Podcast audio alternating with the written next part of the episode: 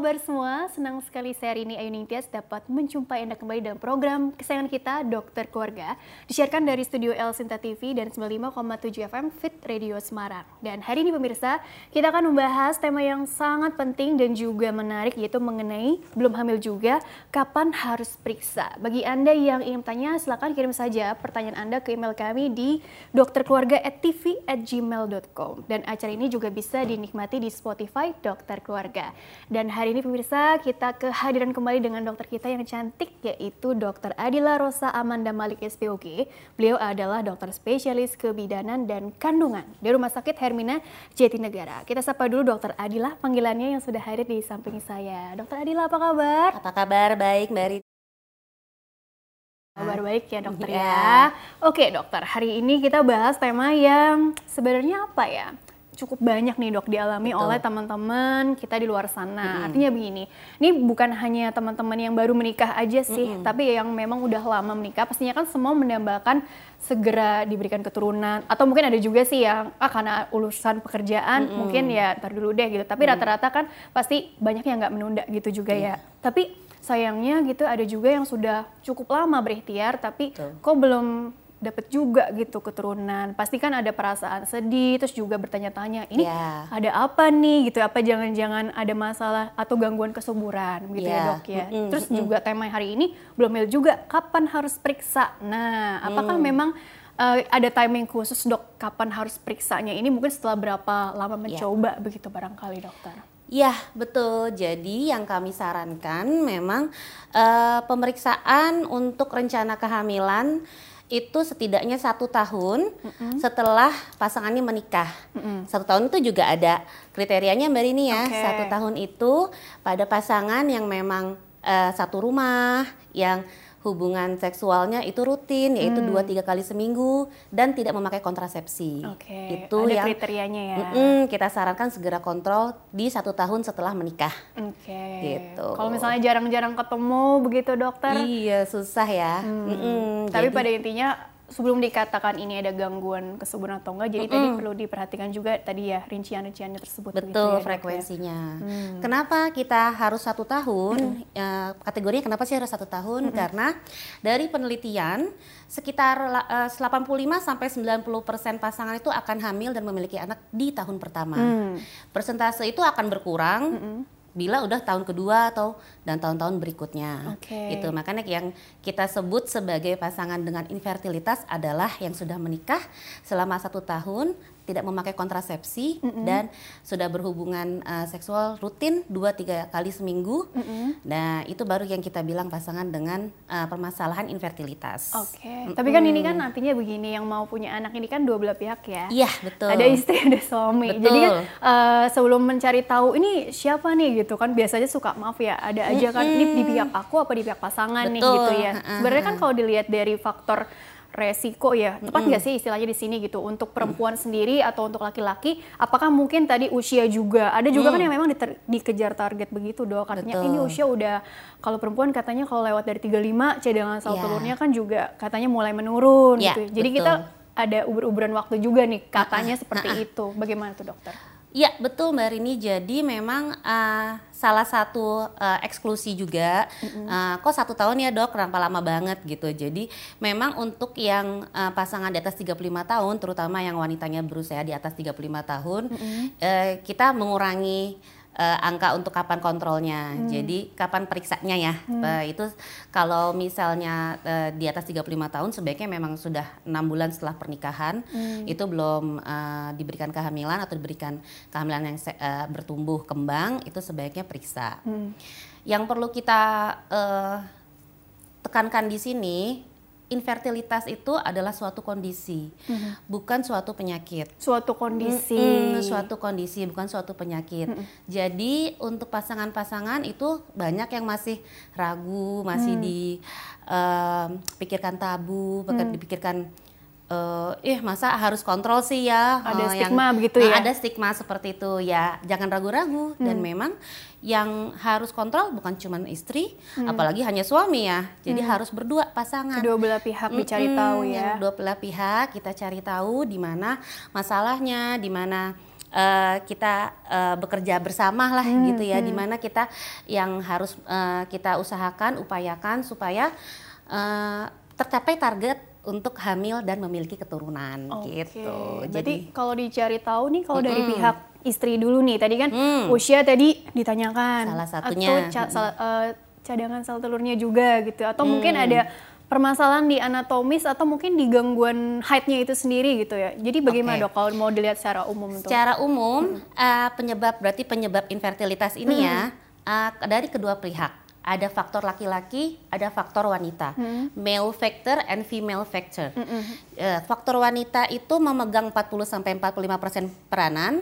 Faktor laki-laki juga 40 sampai 45%. Oh hampir Ah, hampir sama. balance balance. Sisanya kan ada. Ah, sisanya nah, apa, Dok? sisanya itu unknown atau Oh, tidak diketahui. oke. Ada beberapa yang dua-duanya nih sudah diperiksa, sudah dievaluasi, tapi kok eh, memang tidak ada kelainan Hmm, dari kedua belah pihak, yaitu yang faktor unknown. Hmm. Ada gitu seperti itu, Oke, gitu oke. ya. Jadi kalau mau dibahas faktor wanita, faktor wanita itu yang memegang sebanyak 40-45% itu di wanitanya sendiri 40 sampai 45% juga itu ada masalah gangguan masa subur. Oh. Ya, itu yang banyak juga. Hmm. Yang kedua terbanyak adanya gangguan pada saluran rahim Hmm. atau tuba falopii. It- dan eh, gangguan-gangguan pada organ-organ di eh, kandungan, Hmm. di pelvic. Mhm. Ya, seperti tumor, seperti kista itu salah satunya. Mhm, mhm. Yang eh, sisanya itu terbagi dua, yang salah satunya juga masih unknown, yang keduanya itu adalah masalah hormonal dan penyakit-penyakit penyerta lainnya. Kompleks ya dok Ah, ya. ah, Oke. jadi ada penyakit-penyakit penyerta. Kayak apa sih? Misalnya ada eh, gangguan tiroid, ada gangguan eh, pembekuan darah, ada hipertensi, diabetes, itu salah satunya dari yang gangguan penyakit yang sudah di, di, eh, punya sebelumnya Oke, gitu. itu bakal ketahuan dengan Mm-mm. wawancara dulu dong dengan pasiennya Betul. atau pemeriksaan penunjang ya dok kan untuk mengetahui lebih lanjut lagi. Oke, Hmm. jadi sih kalau eh, seorang pasangan yang nanti akan kontrol eh, pertama kalinya untuk merencana memiliki keturunan Hmm. itu yang pertama memang kita semua diwawancara ya. Mhm. Dia usianya sudah apa, berapa, Sudah berapa. pernah eh, eh, apa memakai kontrasepsi atau enggak, hubungannya berapa kali sehari, eh seminggu ya, berapa kali seminggu Hmm. Boleh ya, dan sih. sehari ya gitu ya. Sehari. Seminggu kalau kita Berapa kali takaran gitu. takaran eh, rutinnya itu memang gitu sih ya dua tiga kali seminggu. Kenapa? Nanti ada nih, nanti ada ceritanya lagi. Oke. Nah, eh, nah, terus udah gitu ada eh, ya eh, eh, untuk kalau ikan dokter kandungan tentu kita fokus kepada yang eh, wanitanya dulu ya Hmm. kalau dokter kandungan ya. Eh, ini eh, wanita eh, eh, siklus haidnya bagaimana, terus dia merokok kah, alkohol kah, Hmm. Lifestyle-nya bagaimana ah, ya? lifestyle-nya bagaimana. Oke. Itu dari wawancara. Kalau dari laki-laki ya kita juga harus tahu dia Hmm. pekerjaannya apa, berada di sekitar lingkungan yang memang eh, daerah ba- eh, pinggul ke bawahnya itu Hmm. selalu eh, di tempat-tempat yang panas atau enggak gitu ya seperti driver itu termasuk kebiasaan-kebiasaan suka mandi air hangat kah suka sauna gitu salah Oke. satunya. Sama merokok atau tidak. Oke. itu penting banget. Tapi kalau untuk yang pria di analisis untuk spermanya ini Ya, jadi setelah itu kita pemeriksaan nih. Eh, dari pemeriksaan awal kita harus lihat dulu tensi, eh, apa tekanan darah, ya, terus gitu ada tinggi badan berat badan juga perlu perlu nih, Mbak Rin, eh, Mbak Rini. Terus udah gitu kalau eh, yang eh, lain-lainnya yaitu kita kira-kira nanti di seluruh tubuh kita juga harus lihat kira-kira yang apa yang dia tiba-tiba nggak sadar tapi kita temukan ada benjolan kah ada atau ada apa gitu ya. Terus untuk pertama kali kontrol memang disarankan juga kontrolnya pada haid hari kedua. Kalau yang teratur. kalau yang teratur gitu ya. Kalau yang teratur ya disarankannya ya hari kedua sampai keempat haid itu kalau bisa dia kontrol. Di situ kita akan melihat eh, pemeriksaan. Baru nanti pemeriksaannya kita ngomongin nih rencanakan. Pemeriksaannya apaan aja ya dok? Biasanya kan orang nanya gitu. Pemeriksaan dasar untuk work up infertilitas ini yang pertama kita harus eh, melihat dari USG USG kita mau lihat apa? Kita mau lihat ada kelainankah di organ-organ kandungan, di rahim, di indung telur, atau jangan-jangan ada pembesaran eh, saluran rahim, gitu ya, tuba tadi ya. Karena mestinya di USG tuba itu nggak nggak terlihat, nggak tampak. Nah, da, nah dari situ kita juga bisa menilai telur-telur di indung telurnya. Mm-hmm. Bagaimana nih? Nah, kira-kira uh, uh, dari uh, faktor uh, telur yang tampak dari USG ini cukup atau enggak? Jumlahnya. Itu jumlahnya. Uh, ada yang kok sedikit ya, hmm. ada yang wow banyak hmm. gitu ya. Itu seperti pada orang-orang dengan polikistik ovarium atau PCOS itu oh, ya. Salah mungkin banyak tuh dok adanya dok. Iya itu malah banyak itu cuman hmm. uh, dia ada gangguan masa subur. Oke. Okay. Okay. Nah terus yang kedua dari USG uh, itu juga kita bisa lihat uh, apa namanya um, gangguan dari uh, apa uh, masa subur tadi ya. Nah, cuman untuk USG kita harus kasih tahu ibu, ibu uh, untuk wanita-wanita yang ingin rencana program hamil atau rencana memiliki keturunan harus akrab sama USG transvagina. Mm -hmm. Karena dari situlah kita bisa melihat transvagina ya bukan yang dari dari perut, lagi dari gitu abdomen. Ya? Jadi harus dari vagina. Hmm. Banyak itu yang datang-datang kaget, "Duh, kok nggak di USG ya, Dok?" nggak di USG aja oh ini sama kok di USG juga cuman memang uh, kita kalau organ-organ panggul organ-organ kandungan kan memang uh, dia tempatnya di dalam ya hmm. agak sulit kalau tidak ada terjadi pembesaran atau uh, mungkin ya lemaknya dari yang kita periksa agak tebel hmm. gitu ya agak sulit kita untuk menilainya jadi memang harus siap-siap dan harus akrab gitu hmm. untuk dilakukan USG gitu gak usah itu. takut gitu ya mm -mm, hmm. yang penting santai aja relax okay. yang kedua kita uh, pemeriksaan lanjutannya hmm. itu kita bisa menilai patensi atau la, sum, ada sumbatan atau tidak pada uh, saluran rahim atau tuba falopi ini. Hmm, di tuba falopinya ya, sekarang. itu namanya pemeriksaannya hysterosalpingografi atau hmm. HSG. HSG. Hmm, HSG itu biasanya kita uh, kerjakannya setelah haid. Hmm. Jadi hmm. sekitar hari ke-9 atau hari ke-10 haid. Pada orang yang normal ya. Yeah, yeah. Jadi kita bicara normal dulu. Uh, yang ketiga, yang lebih penting lagi itu jangan lupa ada harus ada analisa sperma. Hmm. Uh, karena kita kalau misalnya mau hamil nggak mungkin kita cuma punya. Ini kan sejawat mana dok? Artinya kan iya. kan bukan di objin dong. Uh, kalau kalau analisa sperma ya, itu nanti dari laboratorium kita hmm. bisa kasih pengantarnya. Hmm.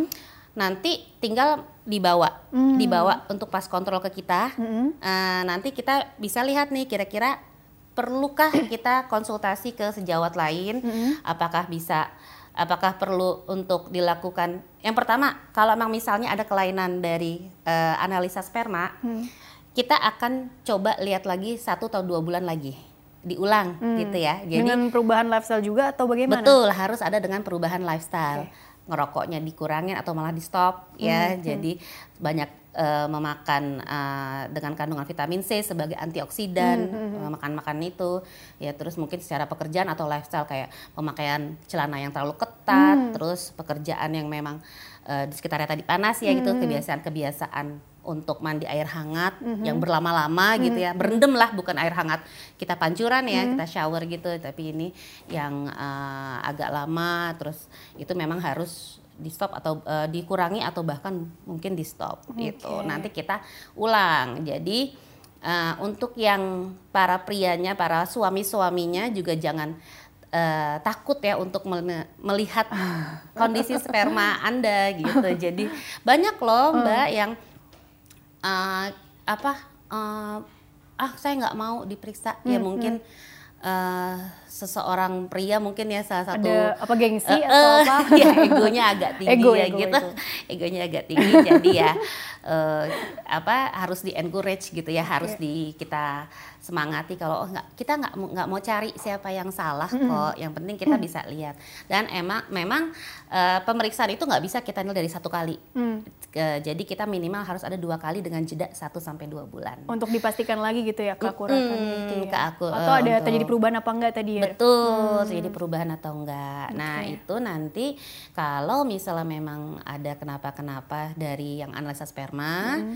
nanti kita bisa lihat dari hasilnya haruskah kita konsultasikan uh, ke sejawat lain okay. seperti spesialis andrologi atau spesialis urologi. Nanti okay. dilihat. Baik, jadi gitu. harus kedua belah pihak ya, bukan salah satu mm pihaknya aja gitu ya mm yang harus diperiksakan. Oke, dokter mm kita jeda dulu sebentar, nanti okay. lanjutkan kembali di segmen selanjutnya ya, yeah. lebih detail lagi seperti apa ya. Yeah. Baiklah pemirsa, jangan ke mana-mana, tetaplah bersama kami, kami akan kembali sesaat lagi.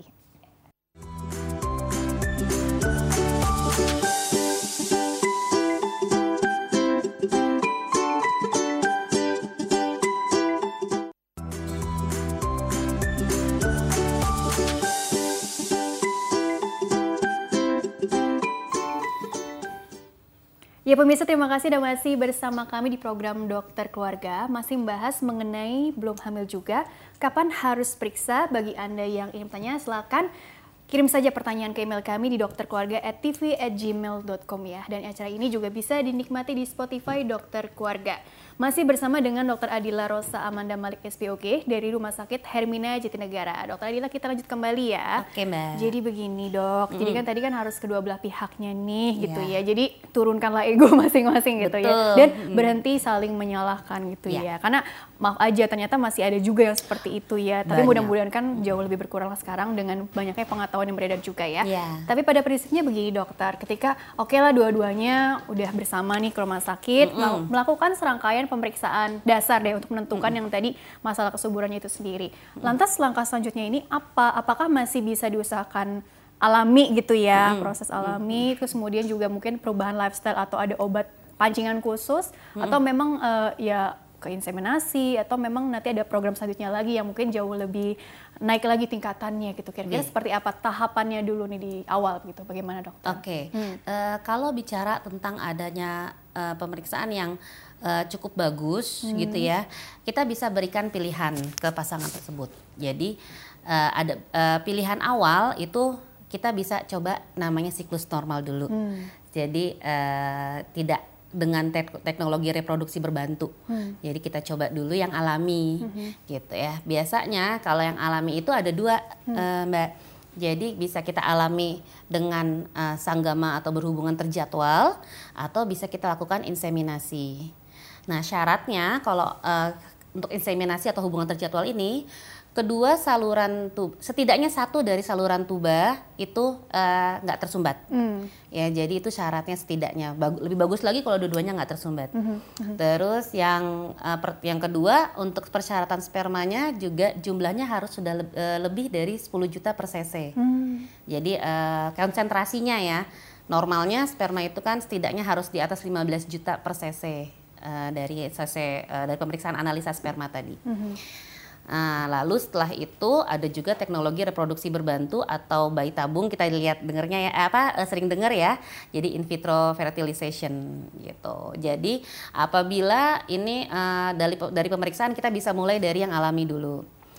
Biasanya kita akan uh, memberikan obat kita bilang obat penyubur hmm. gitu ya. Fungsinya adalah untuk uh, mematangkan telur hmm. di indung telur kita. Uh, yang kalau misalnya dia masa subur normal itu telur yang matang itu hanya satu, -hmm. ini kita uh, ingin bikin beberapa, mm. ingin buat tujuannya untuk buat beberapa okay. telur matang sehingga sekali masa subur itu bisa keluar 2-3 sel telur. Mm. Jadi maksudnya adalah untuk supaya uh, memperbanyak chance atau meningkatkan ya. peluang hmm. dari spermanya. Hmm.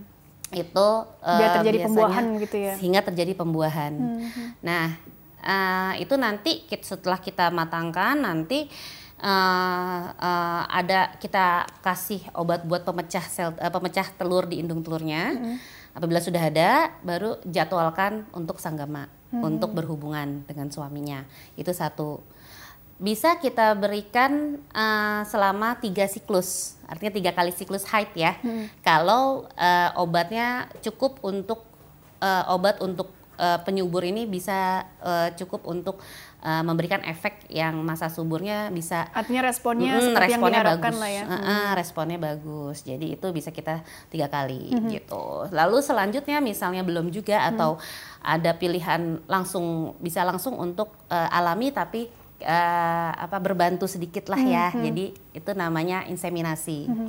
Apa ya inseminasi itu kadang-kadang orang kan masih ada yang uh, insem ya dok, uh, bayi tabung itu insem ya dok, atau uh, harus nanti udah bayi tabung ada insem lagi, hmm. ya, itu agak berbeda. Hmm. Jadi kalau inseminasi itu uh, kita tetap uh, membuat masa subur yang uh, dari obat tadi de, untuk untuk uh, wanitanya. Setelah itu apabila sudah uh, cukup untuk uh, uh, dipicu sel uh, untuk dipicu terjadinya ovulasi itu uh, si pria akan mengeluarkan sperma dan dipilih sperma-sperma yang unggul. Hmm. Jadi dimasukkan ke dalam satu wadah. Dicuci ya. Ah, ah, ya, jadi artinya pokoknya dipilih lah. Nah, nanti orang laboratorium biologis yang biasanya melakukan itu dipilih yang unggul-unggul yang bagus-bagus, Wow. baik dari kecepatan eh, baik dari kece- ya. gerakan kecepatan gerakan sama dari morfologi atau dari bentuk dari spermanya tersebut. Nah, itu nanti kalau hubungan biasa kan disemprotkan spermanya tidak ke eh, apa ke mulut rahim.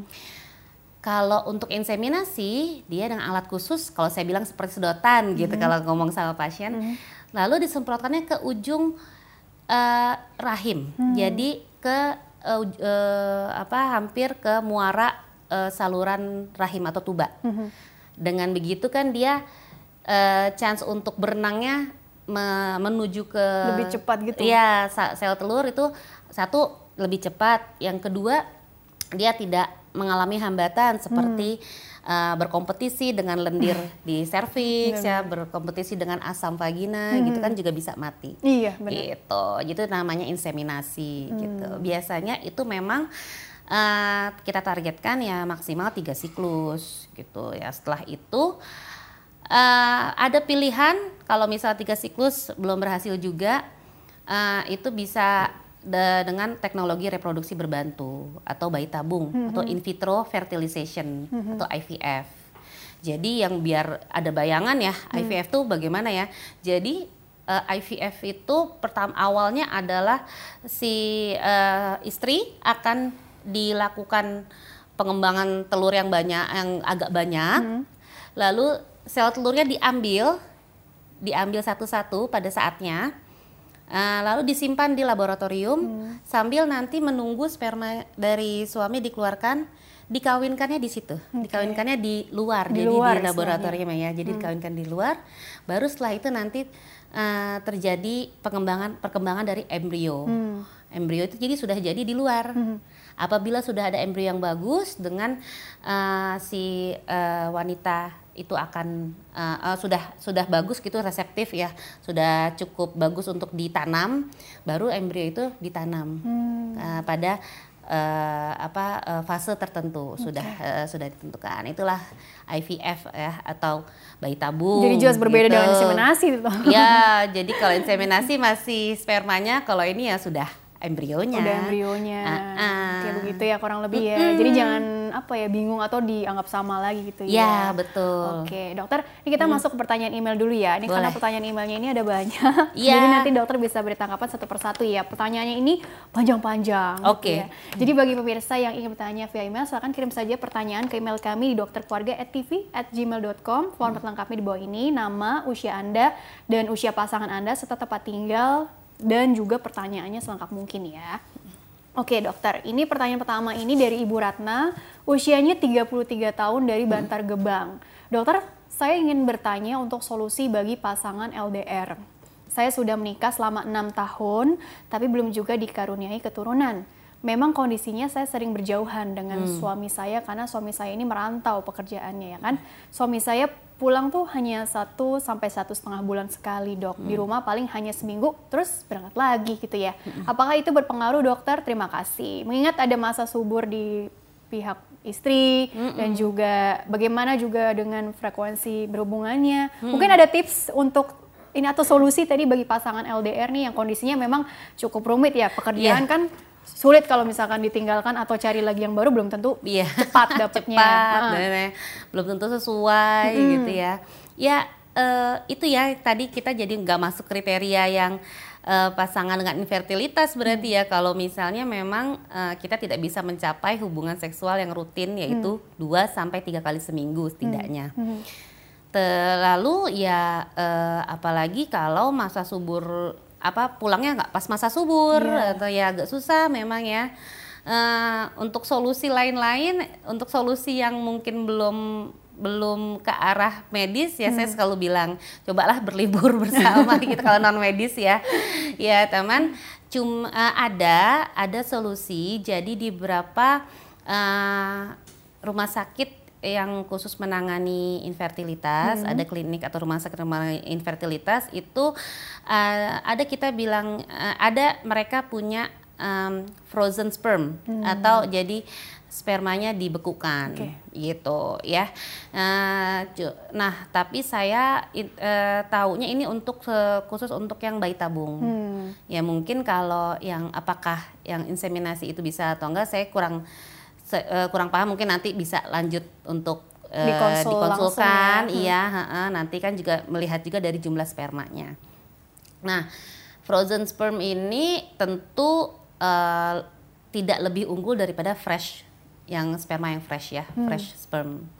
Uh, di beberapa uh, uh, di be, di program-program uh, kehamilan biasanya dicampur tuh yang fresh sama frozen hmm. ya. Cuman apa apabila memang kondisinya seperti itu ya salah satu yang bisa dicoba ya itu ya Berlib pembekuan sperma berlibur juga bisa berlibur dulu deh coba berlibur ya dulu ya coba okay. ya gitu cari ya. waktu gitu ya uh -uh. tapi yang menarik menghitung masa subur ini masih banyak juga yang kurang paham Betul. detail ya apalagi uh -uh. kalau yang haidnya maaf maaf aja nggak uh -uh. uh, teratur gitu yeah. ya uh -uh. mungkin ada gangguan hormonal seperti yang tadi dokter bilang PCOS gitu uh -uh. ya kan itu juga perlu diteliti lagi juga gitu yeah, ya dok ya tapi sebenarnya gini menghitung masa subur sendiri uh -uh. ada ininya nggak sih hitung-hitungannya khusus yang secara apa ya mudah dipahami ya. lah. Hmm. Jadi masa subur seorang wanita itu bisa kita hitung uh, kurang lebih 14 hari sebelum haid berikutnya. Hmm.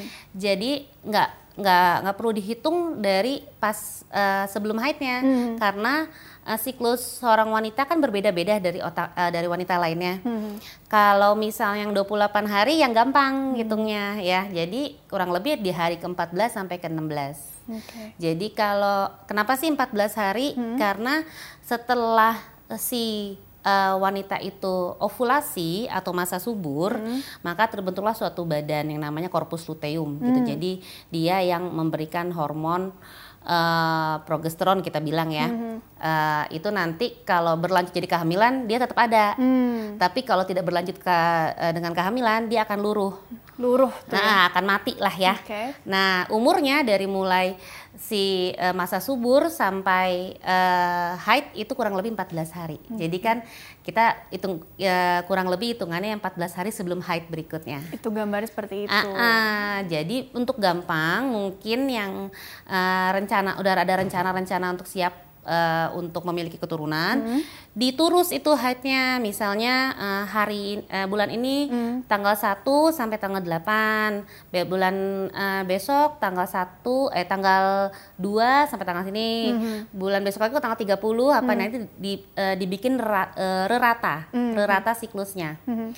siklus yang normal itu kan antara 23 sampai 35 hari hmm. uh, uh, jadi kira-kira uh, hitungannya di uh, apa di masa subur itu kurang lebih yang ngikutin dari rerata siklus Anda nanti bagaimana. Begitu ya gitu. kurang lebih ya.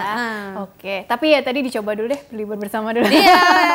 Iya saran medis ya. Iya. Oke.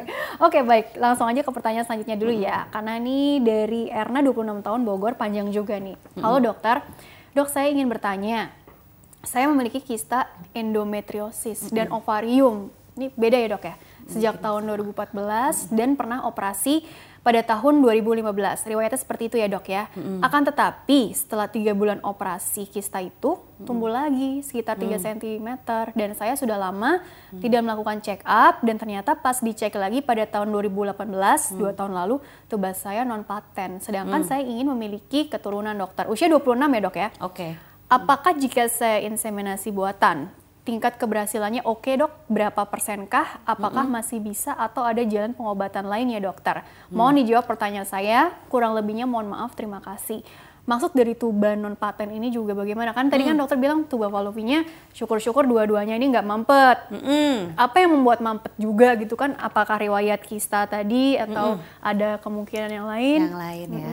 Jadi oke okay, uh, eh, awalnya uh, ada endometriosis di ovarium makanya kita bilang uh, biasanya dibilang di ovarium makanya kita dibilang kista hmm. kista endometriosis gitu nah endometriosis ini memang rada-rada ngegemesin ya hmm. jadi dia itu memang salah satu kondisi uh, di mana uh, tumbuhnya jaringan di dalam rahim yang jaringan lapisan dalam rahim mm -hmm. yang uh, biasa di, kita bilang dengan endometrium di luarnya Lokasinya nah, tuh uh, lokasi di luarnya bisa di uh, indung telur menjadi kista, hmm. bisa di dinding rahim luar menjadi adenomiosis okay. gitu. Bahkan di, pernah ditemukan juga di kulit. Oh. Ada juga uh, uh, di endometriosis kulit. Jadi dia bisa tumbuh di mana aja. Memang tidak ganas. Uh, 99% dari kasus endometriosis ini adalah jinak. Hmm. Jadi satu persen hanya satu persen yang mengarah ke keganasan. Tapi ya itu dia bisa hidup dan saat dia menempel dia bisa tumbuh di mana aja. Nah, tapi sayangnya endometriosis ini karena tadi bisa tempel di mana aja, bisa juga terjadi di tuba. Nah, kalau misalnya sudah ada sudah ada uh, masalah di tuba seperti uh, endometriosis ini kan menimbulkan reaksi peradangan. Jadi uh, sel-sel tuba terutama rambut-rambut halusnya hmm. itu uh, itu akan rusak yang pertama. Yang kedua, saat peradangan selesai pada fase pemulihan maka dia bisa terjadi jaringan parut. Hmm. Maka maka dari itu sebuah tuba itu bisa mampet atau kalau dari pemeriksaan HSG tadi hmm. dibilangnya non paten gitu. Jadi agak memang agak mm, tricky ya kalau hmm. kita mau mengobati endometriosis ini. Jadi uh, itu harus konsultasi lebih lanjut uh, bagaimana karena uh, di beberapa kasus dengan endometriosis cadangan sel telurnya juga berkurang oh. karena istilahnya dimakan gitu ya, hmm. ya dimakan hmm. gitu ya uh, dan untuk uh, syarat inseminasi tadi kita harus punya setidaknya satu tuba yang paten atau tidak mampet hmm. nah apabila uh, kedua tubanya non paten ya nggak bisa ini nggak dijelaskan hmm, ya hmm, hmm. keduanya non paten itu memang tidak bisa karena bagaimana mau bertemu salu spermanya bagaimana mau bertemu dengan sel telur kalau salurannya mampet gitu dan juga seperti itu uh, apabila yang satunya pun setengah setengah paten atau ada uh, uh, sudah ada kerusakan itu malah justru memberikan uh, risiko untuk hamil di luar kandungan, oh, uh, uh, kehamilan ektopik, ektopik gitu. Ya. Bahayanya hmm. juga bagaimana itu dengan kehamilan di luar kandungan? Uh, perdarahan, perdarahan hmm. yang banyak karena yang mestinya kehamilan ini terjadi di dalam rahim dengan uh, uterus atau rahim yang memang dia diperuntukkan uh, untuk membesar hmm. gitu ya dengan otot-otot itu dia terjadi di luar rahim yang memang bukan tempatnya untuk terjadi perkembangan se sebuah janin. Okay. Uh, uh, jadi uh, saat dia berkembang maka ada jaringan yang rusak kalau jaringan rusak itu ada perdarahan banyak seperti di saluran tuba hmm. gitu ya. Itu seringnya kan di tuba ya 80% hmm. di tuba. Maka terjadi perdarahan, robek, hmm. tubanya hmm. robek dan terjadi perdarahan. Okay. Nah, eh, itu yang yang kita harus seringnya ya hmm. kita harus ada uh, untuk operasi emergensi okay. menghentikan perdarahan tersebut. Tapi untuk si kista ini ini juga ya dok ya artinya kan sudah dioperasi, -hmm. eh terus tumbuh lagi, jadi kambuh lagi istilahnya gitu ya, ya dok ya. Jadi bisa. memang kalau ada riwayat seperti itu akan mengganggu kesuburan apa nggak semua, nggak selalu seperti itu juga? Nggak semua, hmm. nggak semua. Jadi memang yang namanya kista endometriosis itu ya kita harus lihat juga ya di biasanya memang lihatnya tuh pada saat dioperasi. Hmm. Uh, berapa persen dari kista ini uh, yang uh, mempengaruhi indung telurnya. Okay. Apakah ada di kedua indung telur? Cuman hmm. yang satu mungkin pada saat operasi uh, itu tidak tidak terlalu uh, banyak, itu juga bisa.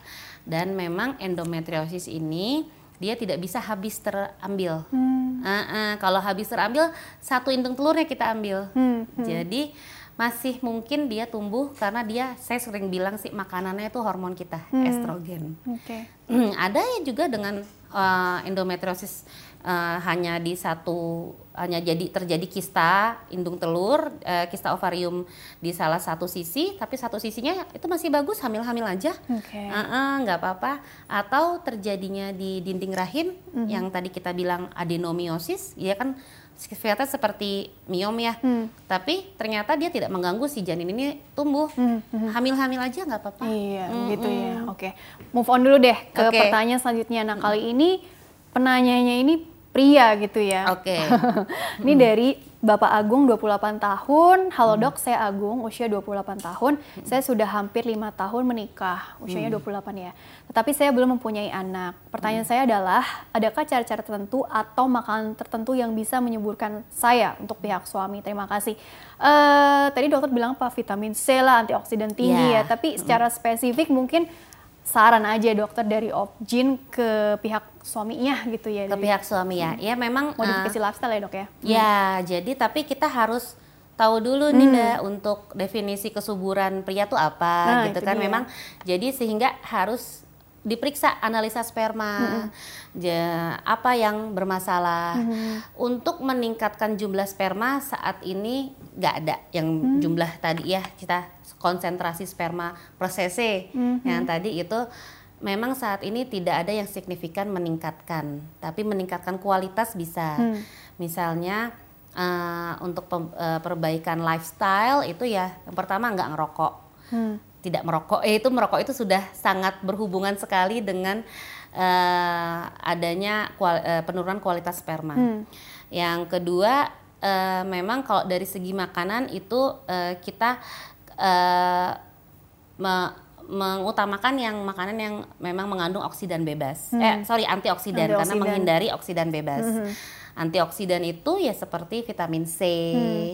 terus salah satunya juga bisa asam folat, vitamin D, hmm. itu uh, dan banyak juga antioksidan antioksidan yang sudah dalam bentuk vitamin itu juga banyak, hmm. gitu ya sama ya kalau memang memang misalnya punya kebiasaan yang tadi ya kita uh, utamakan kalau yang punya kebiasaan berendam atau bekerja di tempat panas ya memang mungkin harus dikurangi. Mungkin kalau pria hmm. tuh apa ya berkendara gitu ya atau mungkin hmm. jam tidur, jam kantor shift-shiftan sering begadang itu ada pengaruhnya nggak sih? Karena kalo, sering ditanyakan juga tuh. Uh, uh, pasti ya. Hmm. Ya kalau begadang sih nggak juga sih ya. Hmm. Uh, uh, nggak nggak juga ya. Jadi uh, memang ya stres sendiri stress kan ya, juga bisa mempengaruhi kualitas baik kualitas sperma maupun sel telur ya. ya. Hmm. Uh, ya. Maka dari itu ya memang nggak uh, bisa dipungkiri juga kalau program hamil ini memang cukup stres apalagi banyak tekanan dari di luar pihak anda gitu, iya, di luar iya. pihak pasangannya Tekanan gitu. Ya. nah, kalau misalnya oh sosial ya, hmm. kalau misalnya pihak ketiga lah ya. Hmm. Kalau misalnya mungkin anda berdua aja dengan memahami ini bekerja bersama berdua, berjuang berdua itu ya bisa di uh, rendahkan lah ya stresornya itu yang kita juga susah handle ya. Hmm, tapi kadang uh -uh. kita nggak bisa mengontrol apa yang ada di sekitar iya, kita tadi. betul, uh, betul banget. Iya tadi. Jadi uh, harus diimbangi juga dengan mungkin relaksasinya juga gitu ya supaya menekan stres itu sendiri dan juga akan mempengaruhi juga tadi mungkin pola pikirnya jadi jauh lebih positif. Ya, jadi menjalankan program ini juga dengan ya sabar, tetap happy ya, gitu ya. tetap happy benar, karena benar, juga benar. Uh, balik lagi ke happy itu juga dengan diketahuinya bagaimana menghitung masa subur kadang-kadang itu juga menjadi suatu tekanan tertentu hmm. kalau oh ini harus hubungan iya, di iya, iya. hari ini juga so, dijadwalkan gitu ya dijadwalkan sekali ya itu salah satu juga yang bisa bikin uh, malah justru nggak enjoy ya nggak hmm. enjoy nggak nggak nggak nggak saling jadi nggak bersama-sama gitu ya kayak mungkin moodnya ya beda-beda ya kita hmm, kan jadi kan okay. jadi kalau saran saya sih ya itu ya teraturkan aja tanpa tanpa harus menghitung masa hmm, subur. Hmm, hmm, okay. Kenapa? Karena sperma itu bisa bertahan selama maksimal bisa bertahan sampai satu nah, minggu. coba dokter di rahim. Ditahan dulu sebentar nih penjelasan okay. seputar itu ya. Kita masuk jeda dulu ya. Nanti okay. dilanjutkan di segmen terakhir ya. Oke okay, oke. Okay. Baiklah pemirsa jangan ke mana-mana, tetaplah bersama kami. Kami akan kembali sesaat lagi.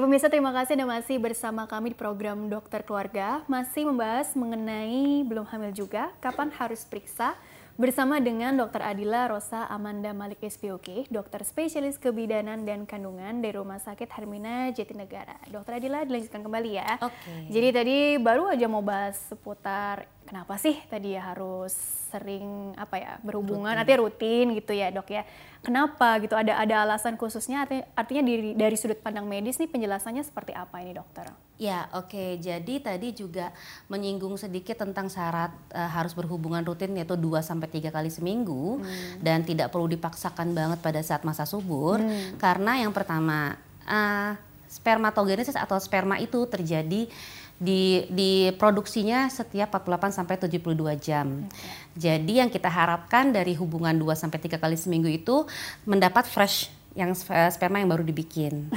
Karena kalau misalnya setiap hari ya nggak nggak masalah juga sih, cuman kan jadi uh, konsentrasinya jadi berkurang. Okay. Uh, uh, jadi berkurang sehingga kan chance untuk uh, hamilnya juga jadi lebih berkurang gitu hmm. gitu dibanding uh, lagi banyak-banyaknya gitu hmm. diproduksi. Hmm, hmm. Lalu kenapa nggak perlu ngejar-ngejar besok masa subur gitu.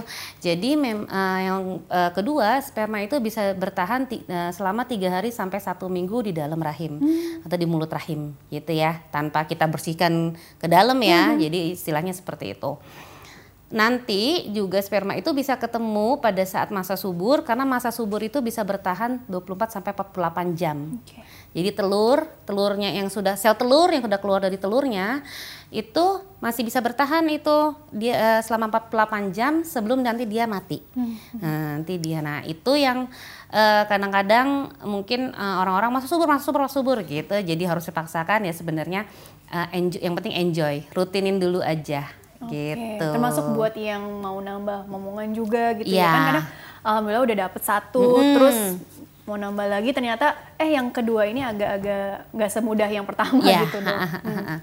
Ya untuk itu, itu yang kita bilang uh, artikan sebagai infertilitas yang sekunder. Hmm. Artinya sudah pernah memiliki anak sebelumnya, lalu setelah itu dalam rentan waktu satu tahun tetap ya hmm. uh, atau enam bulan untuk yang di atas 35 tahun itu belum hamil juga tanpa adanya kontrasepsi atau uh, metode-metode KB lainnya uh, dan juga berhubungan rutin mm-hmm. itu uh, juga disarankan untuk periksa.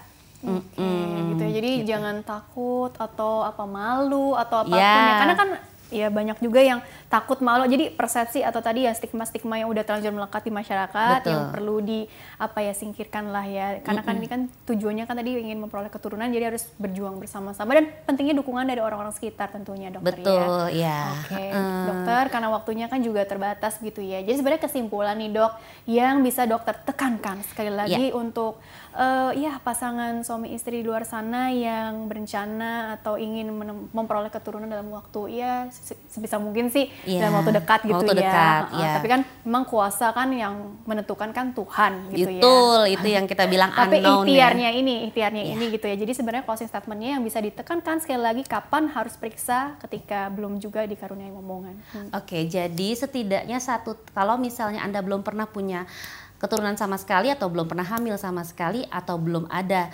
kehamilan yang baik, yang bagus sebelumnya, itu setidaknya satu tahun setelah pernikahan Anda uh, segera periksakanlah. Hmm. Satu dengan syarat anda sudah berhubungan secara rutin hmm. 2 sampai 3 kali seminggu lalu tidak tidak memakai metode KB atau kontrasepsi. Nah, dan juga janganlah malu untuk kontrol berdua, hmm. periksakan berdua karena ini adalah perjuangan Anda berdua. Betul. Jangan jangan ragu-ragu, jangan ada ego di antara Anda. Okay. Dan, dan juga butuh perlu dukungan sosial awalnya ya dukungan berdua juga dulu ya, jadi baru nanti dukungan sosial menyusul. Jangan gitu. lupa gaya hidup sehatnya tadi ya. Gaya hidup sehat. Peluang ya. Betul, mungkin vitamin-vitamin untuk uh, kehamilan bisa dimulai mm -hmm. dari awal. Nanti setelah anda konsultasikan biasanya nanti dokter akan juga akan memberikan. Begitu juga pihak prianya mm, juga ya tadi ya. Betul, okay, jangan gitu. Stop merokok. Stop merokok gitu ya. Baik dokter Adila terima kasih telah berbagi Sama-sama. di sini. Insya Allah membawa banyak manfaat untuk orang banyak. Sukses ya. berkasal untuk dokter ya. Terima kasih. Iya. Pemirsa terima kasih juga Anda telah mengikuti program ini. Saya Rini Ayu Ningtyas. Beserta seluruh yang tugas mohon undur diri dari hadapan Anda. Sekian dan sampai jumpa.